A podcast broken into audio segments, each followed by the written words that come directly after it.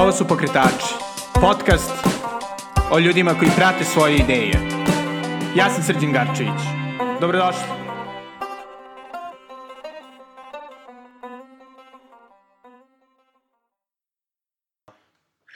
Dobar dan, dobrodošli u Pokretače. Sa nama je Igor Simić, koji je umetnik, režiser, pisac i dizajner video igara. Igor je studirao na Kolumbiji u Americi i on je još jedan od mnogih pokretača koji su zapravo vratili u Beograd. Igore, ajde nam u kratkim crtama ispričaj svoj životni put do sada. U, život i priključenja. Ništa, ukratko, Ove, ja sam išao u školu osnovnu na Novom Beogradu, gde sam i odrastao u blokovima. A, onda sam upisao matematičku gimnaziju, gde sam išao sa tobom. I tokom matematičke sam definitivno odlučio da ću da se bavim umetnošću. I tad sam otišao za Ameriku, gde sam studirao paralelno filmsku režiju i filozofiju na Columbia univerzitetu u Njujorku. I kad se to završilo, bio sam primljen na master iz uh, filma na Kolumbiji, međutim, ja sam odlučio da pravim neke svoje radove, što se sad, gledajući unazad, ovaj, ispostavilo kao možda dobra odluka. Ovaj, I sad već četiri i po godine uh, stičem neku vrstu imena u svetu, pre svega vizualnih umetnosti i to, imam neke izložbe, uglavnom su u Nemačkoj, bilo je u Španiji, i prikazivanja na filmskim festivalima, pre svega za kratki film, tipa u Britaniji, u Češkoj, u Nemačkoj i tako. Ovaj, tako da sad je to neki period e, mog života i nadam se da pripremamo i prvi dugometražni film.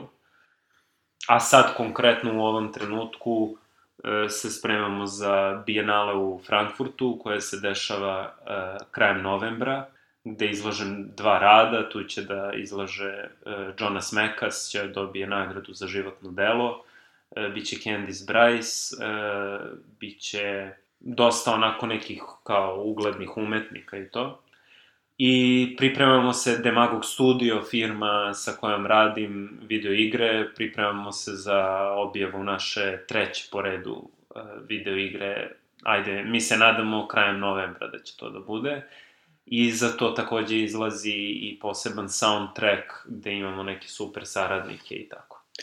Da, mislim, ono što je zapravo veoma impresivno u tvom radu je što koristiš baš dosta medija. Mm -hmm. uh, Kako biraš mediji? Pa ja, meni se čini da e, prvo sve kreće od nečega što napišem. I, a preteča toga bude da pročitam gomilu stvari, živim život, dešavaju se. Ovaj, I onda to sumiram vrlo često u toku jedne noći u neku smislenu ideju. I, na primjer, tako je nastao prvi video rad Mislilac u supermarketu. Ja sam dugo imao ideju o korišćenju pakovanja kao neke metafore. I onda, posle godinu dana lupanja glave, smislio sam taj tok misli koji je na kraju ušao u film o istoriji pakovanja od kečapa, senfa, čipsa do afričkih robova, radnika i zgrada i arhitekture. I tako je nastao mislilac u supermarketu koji je posle otvorio vrata. Tako da, najčešće tako nastane i ja mislim da prvo bude pisanje koje mi, meni samom pojasni neke ideje i šta ja hoću da kažem. I da li uopšte imam šta da kažem. Ako ustanovim da imam, onda vredi se iscimati dalje da se organizuje ekipa da mi to snimimo. Pošto mi je najveće uživanje režija, a to je da ono, okupiš ljude koji slede neku tvoju zamisao. To je kao na igralištu kada klinac smisli koju će igru da igraju sva druga deca. I zato biram film. Znači, nema neke ozbiljne promisli u smislu jedan medij bolji od drugog, nego šta meni leže. A video igre su zabavne zato što uh, na, u, okviru medija gde se to ne očekuje, kao što je uh, mobilna igra, uh, ja pokušam da pr promuvam ideje koje se ne bi tu očekivale dok ubijaš vreme, kao što je ideja o ekspertima u ekonomiji, e, ideja o deci radnicima u trećem svetu ili u ovoj našoj novoj igri ideja da e, ultra bogati ljudi žive sad na Marsu nakon što su uništili zemlju pa se vraćaju na zemlju da pikaju golf po ruševinama civilizacije. Tako da u suštini gledam gde ironija takođe može dobro da legne, jer često ironija u muzejskom ili galerijskom prostoru radi drugačije od ironije u bioskopu ili na mobilnom telefonu. Tako da ako igraš igru gde, na primer, deca proizvode igračke, ironija je sama po sebi u tome što igraš na aparatu koji su ta deca sastavljala u Foxconu ili gde već. Ovaj, što se tiče galerijskog prostora, znači ako koristiš neki uh, jezik uh, umetnosti, na primer sad pravimo te kičme koje su implanti za ljude koji su beskičmenjaci i izla, izložiš to u u umetničkom prostoru da bi prodao nekom kolekcionaru kome ćeš da kažeš dragi beskičmenjače kupovinom ovog proizvoda rešavate. Tako da je kontekst u stvari ono što je meni zanimljivo mnogo više nego e, priroda Medija. tog medija. E sad ja nisam previše bio na internetu niti sam sam nešto preterano aktivan na društvenim mrežama, prosto zbog nedostatka vremena i nekako afiniteta. Međutim, sad sa ovom igrom i sa pravljanjem tog muzičkog albuma ću i sa time malo da eksperimentišem. Znači, vratio si se za Beograd iz Njujorka, koji je jedna od, ako ne i glavna prestonica umetničkog sveta. Da. Mislim, zašto? To deluje kao kontraintuitivan da. potez. Uh, ne, ne znam koji neki ruski pisac je rekao da ovaj, udaljavanje od Rusije je udaljavanje od inspiracije. Tako da uh, ja ne, ne mogu, pošto su me često pitali ljudi nakon povratka zbog čega, ja ne mogu da dam vrlo jasan odgovor na to koji će ljudima da zvuči uh, dovoljno uverljiv. Osim toga da je meni ovde uh, lakše da stvaram. Takođe, ja sam uh, bolesno obsednut radom, tako da sam, i to sam iskusio dok sam živeo u Njujorku, da ukoliko ne postoje bližnji koji mogu da iskontrolišu moju posvećenost nečemu, ja idem do krajnjih granica, a tamo je sistem tako napravljen da i, i inače tera ljude na to. Tako da ovde mogu nekakav balans životni da napravim. Ove, ovaj, takođe, ja nisam baš najbolji primer da ljudi na mom primeru uopštavaju za sebe, zato što imam puno slobodu da putujem kad hoću.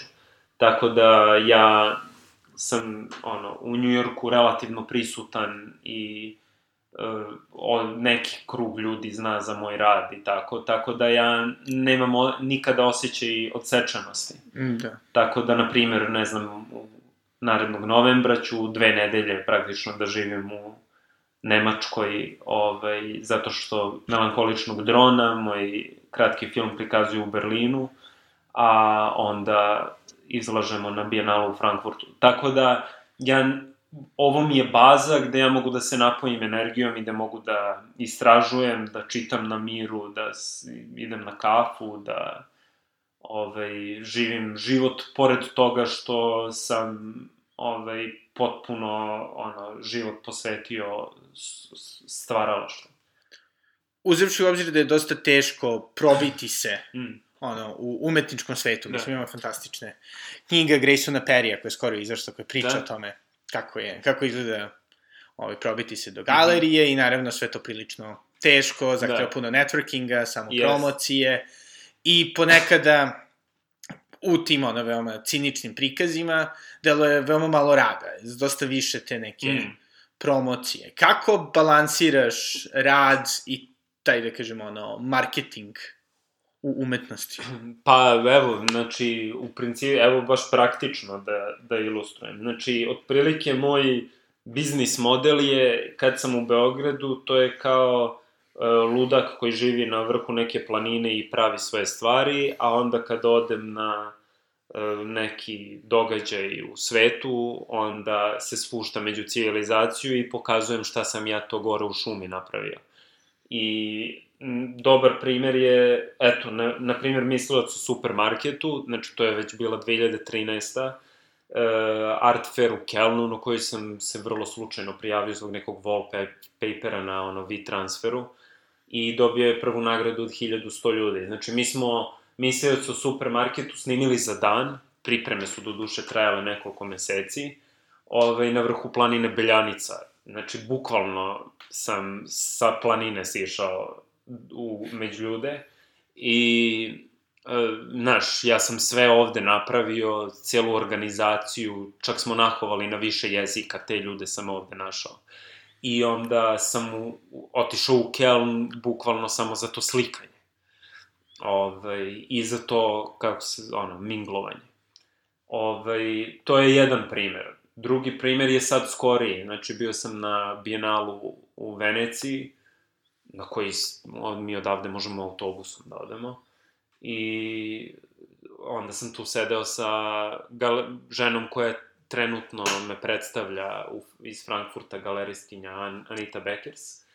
I ona je onda sad videla moje radove posle dve godine, pošto me prati već neko vreme, upravo zbog te nagrade u Kjelnu. I gleda te radove i sad drugarica Jovana, koja je radila dugo za Marinu Abramović, mi šalje poruku, e, kao Marina Abramović ima neki tajni događaj, ajde dođi. I ja pomenem nemačkoj galerijskinji i ona kaže, e, idem ja s tobom. I onda mi sednemo na onaj Vaporeto i stignemo tamo, ja ne mogu da nađem taj palaco, tu se neki crnogorci i tako tu sad pričaš s ljudima i ispostavi se da Anita Beckers uh, zna uh, Ulaja, jeli, bivšeg muža i partnera u umetnosti, u performansima e, Marininog i Ula je pomenuo da traži neku fotografiju iz 70-ih i ispostavi se da Anita tu fotografiju ima u svojoj kolekciji. I tu oni naprave posao, onda te Anita vodi na večeru, onda dalje pričate o mogućnosti da izlažeš i tako dalje. Ali to je, na primer, ono, tri dana u Veneciji. Sutradan se odlazi na izložbu u Fondacione Prada, gde upoznajem druge ljude koji rade sa njenom galerijom i to tako ide. Znači, meni odgovara taj osjećaj da je ovde neka vrsta inkubatora, a onda se odlazi na te ekskurzije. -hmm. I bivši da u dosta tvojih radova, pogotovo, ali, video radova, kori, mislim, koristiš. Da. Imaš puno saradnika. Da. E, kako ih nalaziš u Beogradu? Da puno saradnika, na primjer, na igrama su sve saradnici srednje škole, e, neki saradnici su došli kasnije, tipa već, ja mislim, 4 i po 5 godina radim sa Nemanjom Jovanovim, koji mi je direktor fotografije, i gledam da ti, da e, taj poslovni odnos preraste u neku vrstu prijateljstva, tako da sa Nemanjom, ovaj, koji je inače skiper i jedri i sve to, on me vodio na jedrenje i naučio sam puno od njega, on je ono, stariji, kao neka vrsta starijeg brata, i umeđu vremenu se njemu svašta u životu desilo, ženio se, dobio dete i tako.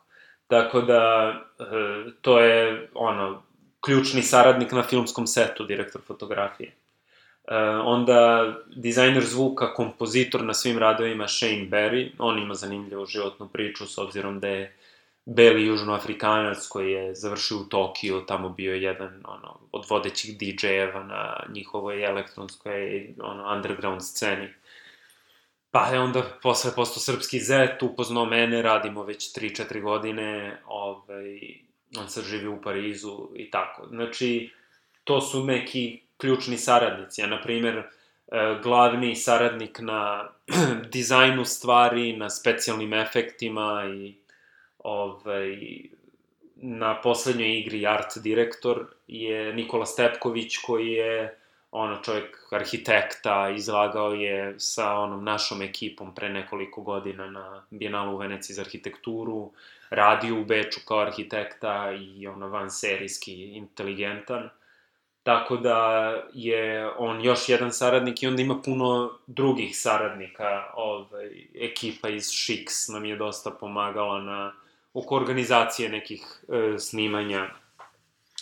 Onda ovaj, ljudi sa strane od Napolju takođe. Naprimer sad na poslednjem albumu na no, prvom albumu koji ikad radimo, koji je soundtrack za igru, će da peva Ana Ćurčin, to je onako sveža informacija. Tako da, ove, ljudi hoće da učestvuju kad je nešto zanimljivo i kad postoji doza poletnosti i kada imaju osjećaj da je to zabavno i da je značajno i da ja verujem u to i tako. Bivši da nisi studirao u Beogradu, ili ti bilo teško da se, me nama da povežeš u našem umetničkom svetu? Pa, donekle, ali to bio slučaj samo u samom početku, kad ja nisam znao tačno kako da, šta da radim i koji workflow da mi bude, kojim redom, da li kratki filmovi, da li da razvijam dugometražni, to je puno bilo lutanje i puno je vremena utrošeno na razne scenarija i tako. Ove, ovaj, međutim, e, nije ispalo na kraju toliko teško zato što sam ja formirao prostor za sebe u kojem skoro da nema drugih ljudi koji se bavi ovim što ja radim. E, ima nekoliko zanimljivih ljudi e, koji su u, dosta uspešni, kao što je Marta Popivoda, koja je, mislim, bazirana u Berlinu. Ona je radila taj odličan kako je ideologija pokretala naše kolektivno telo, ovaj, koji je bio na Berlinalu i tako. Ona radi video art, na primjer. Ovaj, naravno, Miloš Tomić radi video art i tako. Međutim, ovo što ja radim nije ni jedno ni drugo, zato što jedan isti rad se prikazuje i na filmskom festivalu i na i umetničkom kontekstu kao što je galerija, muzej ili bijenala. Tako da i baš me interesuje cross media. I u tom smislu saradnici koji dolaze, tipa plednji rad je bilo puno glumaca koji igraju i po serijama našim i po filmovima i šta je, u pozorištu. I onda oni dođu i urade to što smo zamislili i bude im, ja koliko sam stekao utisak, bude im zabavno i lepo. Ovaj, tako da na taj način ih ja dovedem, a to što ja radim deluje egzotično, tako da mislim da ne postoji neka vrsta garda. E sad, postoji vrsta garda u smislu ako ćeš da se baviš e, probijanjem oko fondova, oko financija i tome slično, međutim tu sam se opekao na razne načine, prosto sa u tom producentskom smislu kako se biraju saradnici i, i oko organizacije koja je večita boljka u našem društvu. Ali tu prosto trial and error, probaš različite stvari i onda vremenom se iskristališe koji ljudi treba da rade, a koji ne. Da. I sada da se vratimo na oko čega, što je pokrit ceo svet, to je bre, novac. Da. Ove, mislim, kako je, koliko je lukrativno biti umetnik koji je ono, između video arta i snimanja filmova u Beogradu. Ili generalno, ajde, umetnik u Beogradu. Mislim, je ono, pa, sustainable da, život. U da. odnosu, recimo, na tvoje prijatelje koji su ostali u Njujorku, na primjer. E, pa, znači, zavisi, ono, ja mogu samo o svom slučaju da pričam, a moj slučaj je da je lukrativnije, to jest, e, život je manje stresan uh, nego da sam ostao u Njujorku. Uh, I radi se o tome prosto da uh, ja ne, ne zavisim od uh, srpske scene i onda ti radovi kad se izloži recimo u Nemačkoj, to kupi recimo kolekcionar koji je Amerikanac, Nemac, Britanac, Francuz. I, uh, a troškovi života u Beogradu su daleko niži nego u Njujorku. Tako da je to otprilike model, tako da od toga može se živim, ali treba imati u vidu da sam ja baš specifično što se sveta umetnosti, e, radim konceptualnu umetnost koja u sebi ima video, e sad video se teže prodaje, ovaj, prosto pričamo ono praktično oko čega, kako umetnik živi. Ovaj, video se teže prodaje, međutim, pravimo i predmete, tako da, na primjer, ta 3D kičma je štampana 3D štampačima i nalazi se u staklenoj vitrini koju proizvodi jedna firma u e, mestu pored Frankfurta. Tako da postoji fizički predmet. Taj fizički predmet neko kupi i onda e, ono, od toga ja finansiram dalju proizvodnju novih radova.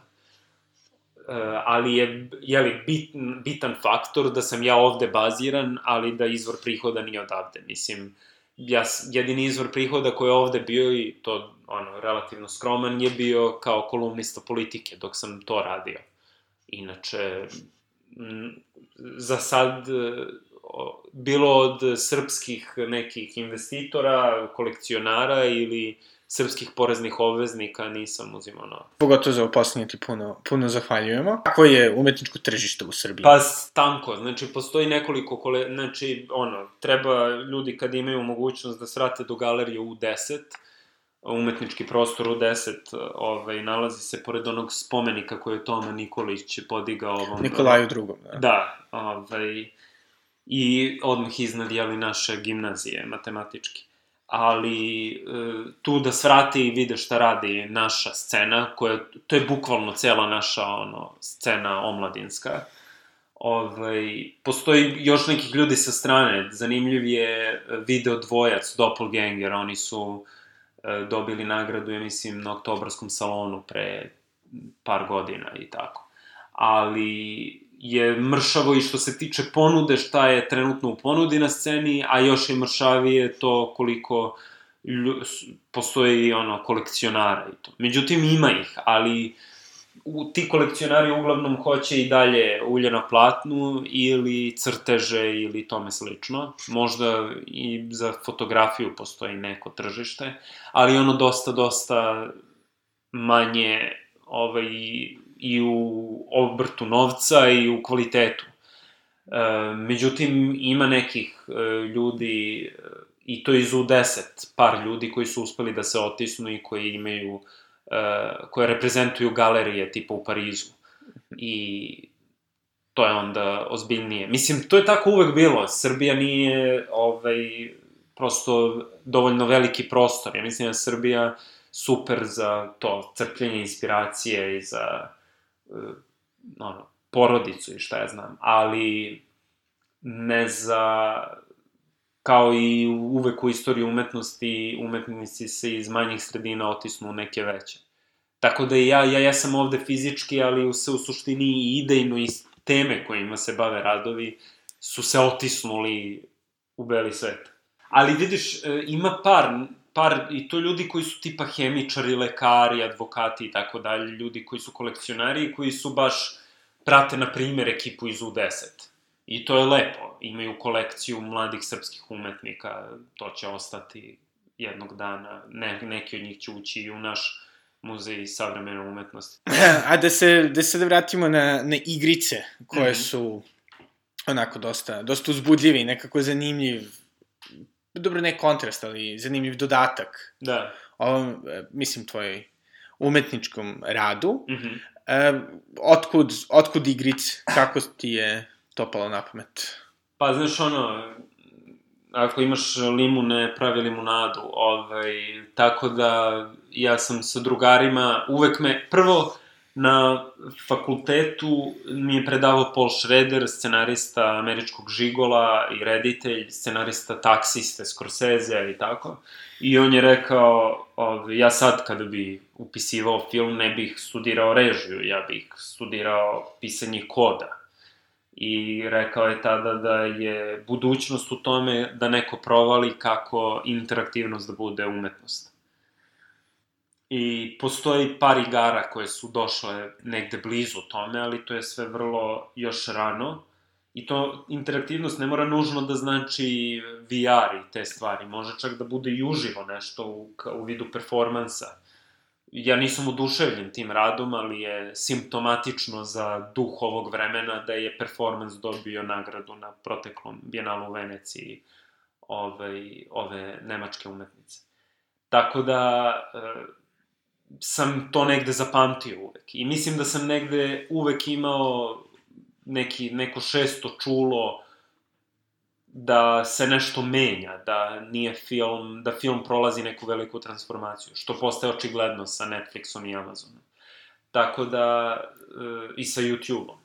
E, tako da je igra bila jedan od načina i ja sam radio karikature na faksu koje su bile ono političke karikature u vreme izbora između Obama i McCaina. I palo mi na pamet, pa čekaj, da li bi možda mogli da uradimo interaktivnu karikaturu. Tako da je prva igra bila Crisis Expert, gde smo se kao ovaj, spredali sa tom idejom eksperata u ekonomiji, pošto je bilo 2008. i svi su govorili o stezanju kajša i tako. Pa posle toga ova sa decom koja proizvode igračke u, tre, u fabrici trećeg sveta. I sad je prosto bila ideja, malo sam više i naučio igramo umeđu vremenu, ja nisam neki gamer, ali me interesuje kreativnost i sve što je tako e, zabavno i pametno. Pa sam, ne znam, igrao malo Limbo, igrao Inside, Machinarium, video te neke stvari koje su uh, otprilike kao moji video radovi, ali u domenu igara. Znači, malo i zapakovano, vrlo brižljivo i sa nekom, nekim konceptom iza toga. I tako je došla ideja na, za, za ovo. I prosto vidim veliki prostor da može mali tim da uradi puno i da ispriča priču koja bi za film zahtevala ogromno cimanje.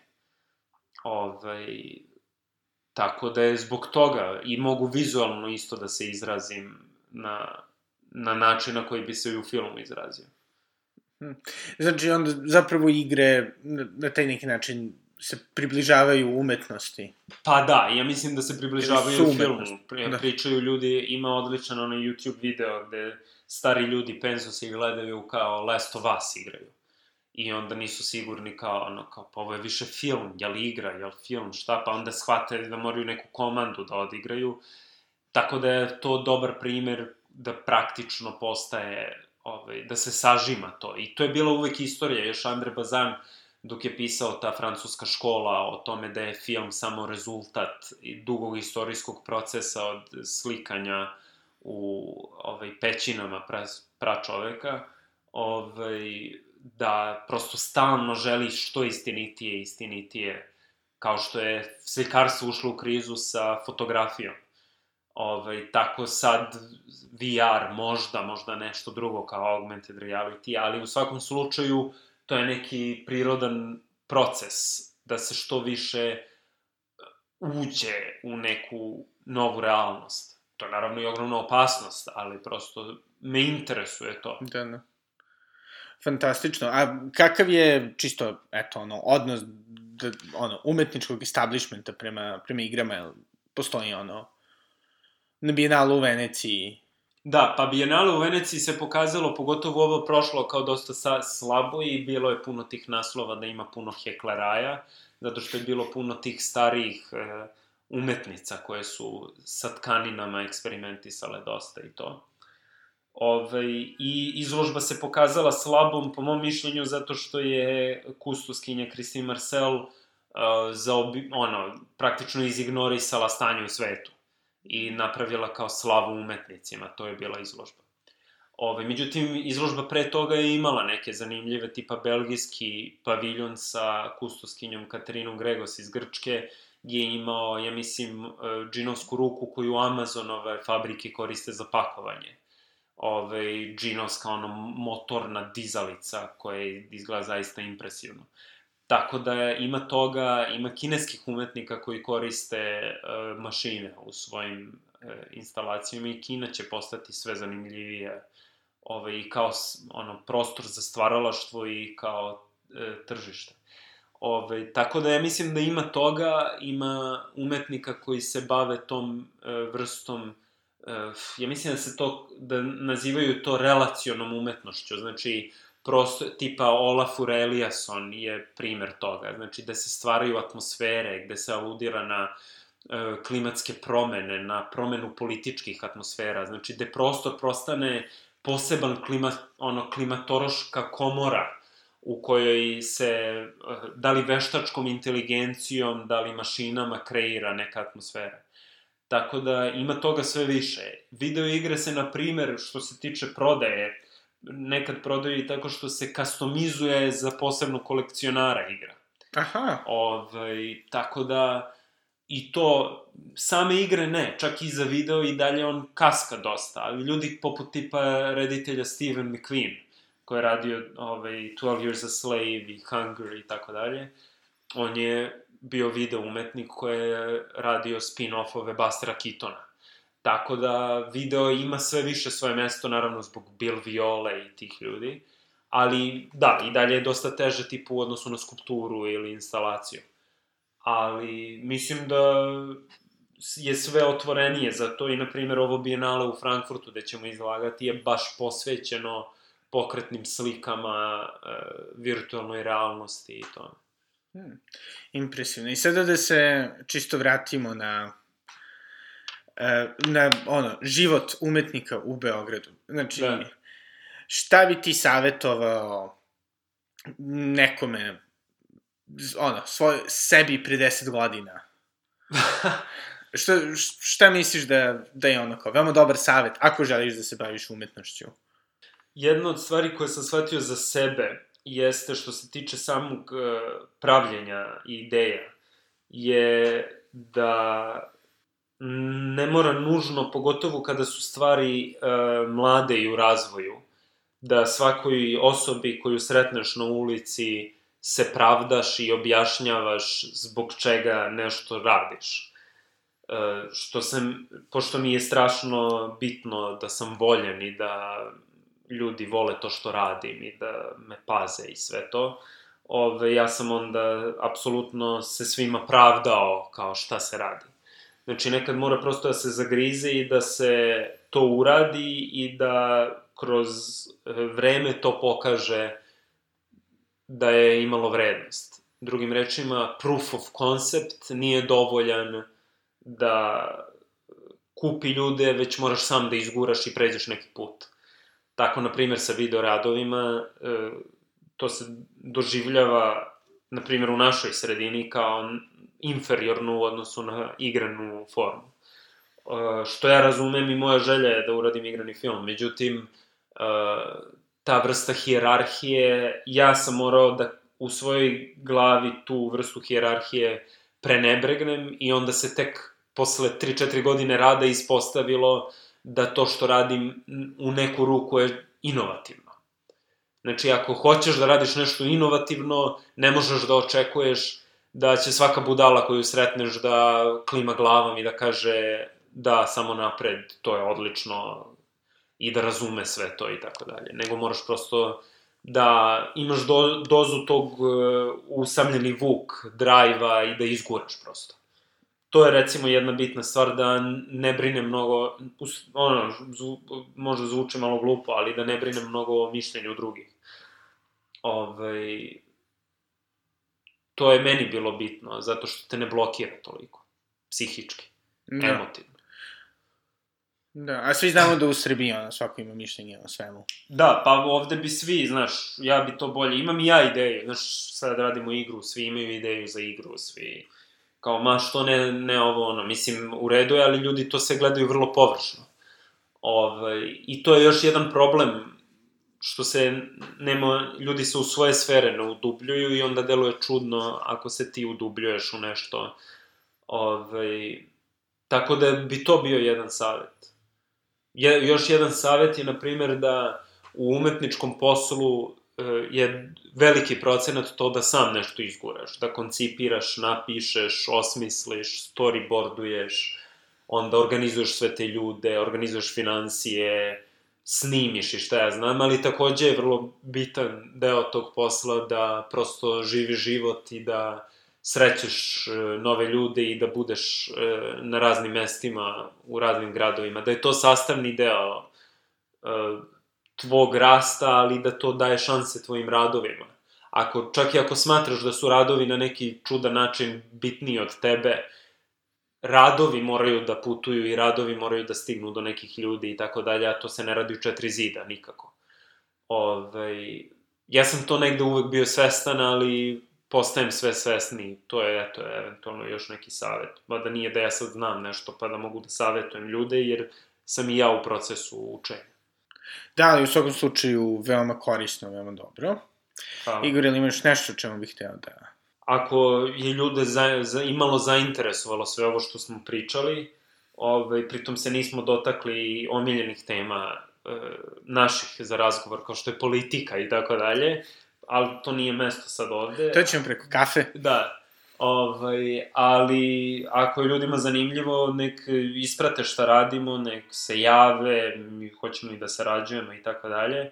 Mogu da očekuju uh, igru uh, pesme sa albuma Radio Nostalgia from Mars uh, u tokom oktobra, novembra, decembra i u početku 2018 e, mogu da očekuju ovaj, tu premijeru na Frankfurtskom bijenalu, nadam se da će bude izložba i u Beogradu. Kada je tačno Frankfurtsko bijenalu? Znači 29. novembra. Za sve naše e, slušalce u Resijanju, Da, 29. novembra u Frankfurtu. da, ići ćemo sa Mićom na neku dobru hranu, tako da pridružite se.